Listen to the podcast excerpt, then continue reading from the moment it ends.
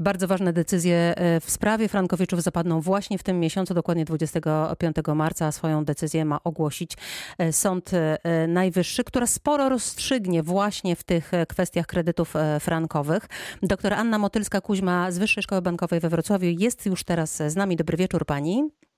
Dobry wieczór Państwu. Dobry wieczór Pani.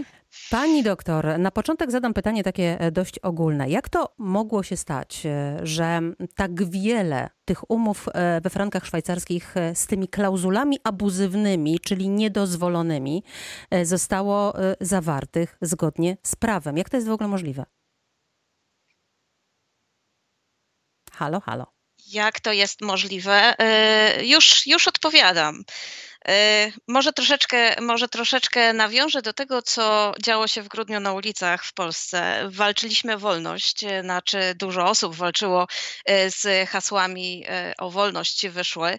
No i w ekonomii również, w gospodarce mamy wolność zawierania umów, tak? Mm. Więc um, obydwie strony podchodząc do stołu, podpisując umowę, zakłada się, że tą umowę rozumieją, rozumieją zapisy w tej umowie E, i składając podpis zgadzają się na to, co tam jest.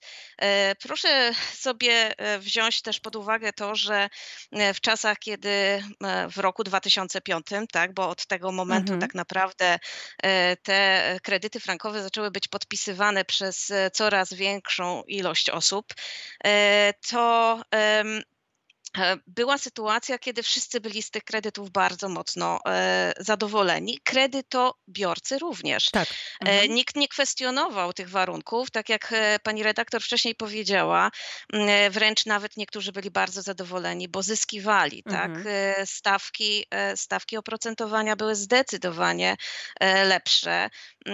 Biorąc pod uwagę, że kredyty hipoteczne, bo o tych, o tych głównie mówimy, tak? kredyty hipoteczne są no, rozłożone na lata, tak? To nie jest y, rok, dwa. Tylko, tylko 10, 20, 30. 10, 20, 30 to różnica w oprocentowaniu rocznym e, na poziomie około 2 punktów procentowych, a w niektórych przypadkach nawet do 4 punktów procentowych w skali roku, to była znaczna różnica I rzeczywiście, mm, no do dziś dnia, patrząc na różnicę w oprocentowaniu, w dalszym ciągu e, ta różnica się e, zachowuje. Ona już nie jest taka duża, ale w dalszym ciągu jest. Oczywiście problem powstał w momencie, kiedy zupełnie przepraszam, zupełnie niespodziewanie mm, w, po prostu w, kurs franka e, szwajcarskiego wystrzelił w górę. E, Chyba z dwóch złotych w tym 2005 roku, e, mniej więcej jakoś tak się tak. kształtował na poziomie dwóch złotych. No w tej chwili mamy ponad 4 złote, tak?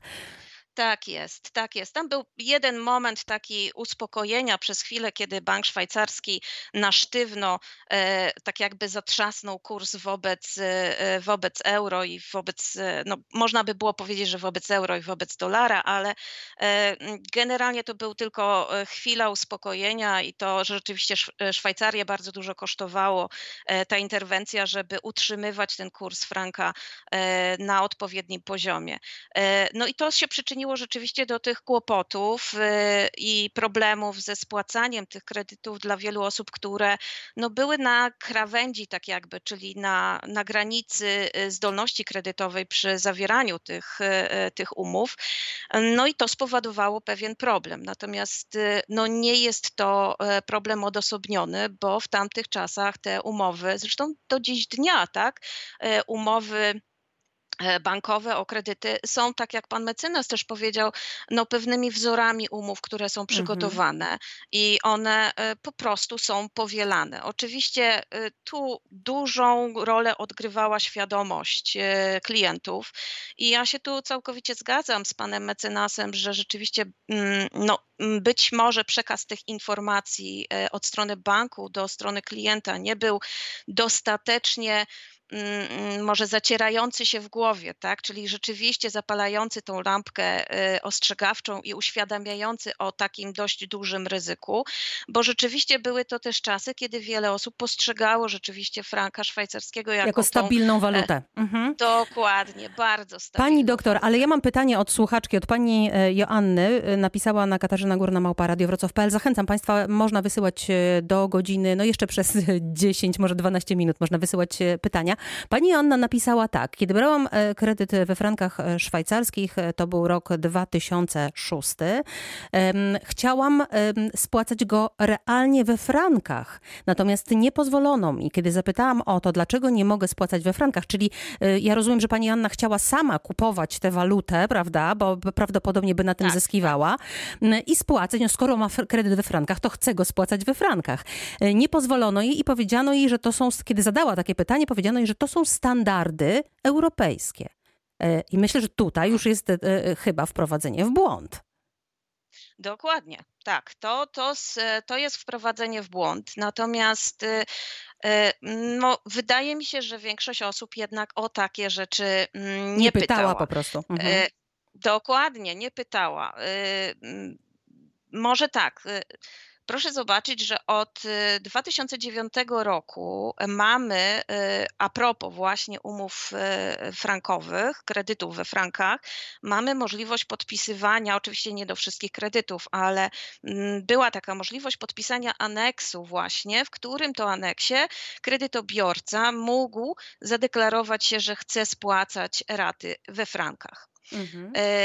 Nie skorzystało z tego zbyt wiele zbyt wiele osób. E, zdecydowanie idąc, no to ja wiem, że to brzydko może zabrzmi, ale idąc w zaparte, że e, chcą mm -hmm. spłacać tak, jak do tej pory spłacali, i rzeczywiście, ponieważ rok 2009 to już był ten pierwszy rok, w którym w zasadzie no, drugi rok, w którym już zaczęto rzeczywiście podnosić problem kredytów frankowych, E, i, i e, nastawiano się właśnie na te rozstrzygnięcia sądowe i na no niejako zmuszenie banków do zawierania pewnych ugód. Pani, e, pani doktor, tutaj... ale ja muszę, ja muszę trochę wziąć w obronę tych wszystkich e, kredytobiorców, e, bo tak samo ja, jak i pani i większość naszych słuchaczy na pewno miała chociaż raz w życiu przed sobą pewną umowę z bankiem, prawda? No te umowy są spisane naprawdę bardzo trudnym językiem, językiem urzędniczym, językiem bankowym i rzadko kto to rozumie. Co by pani doradziła w takich sytuacjach, kiedy siedzimy rzeczywiście przed umową, która w zasadzie jest książką i której, którą trudno zrozumieć. Jak to przeczytać, żeby to było jednak mimo wszystko dla nas zrozumiałe? Wziąć na tydzień do domu, e, poprosić prawnika, żeby skonsultować, żeby powiedział nam, co tutaj może nam zagrażać w tej umowie?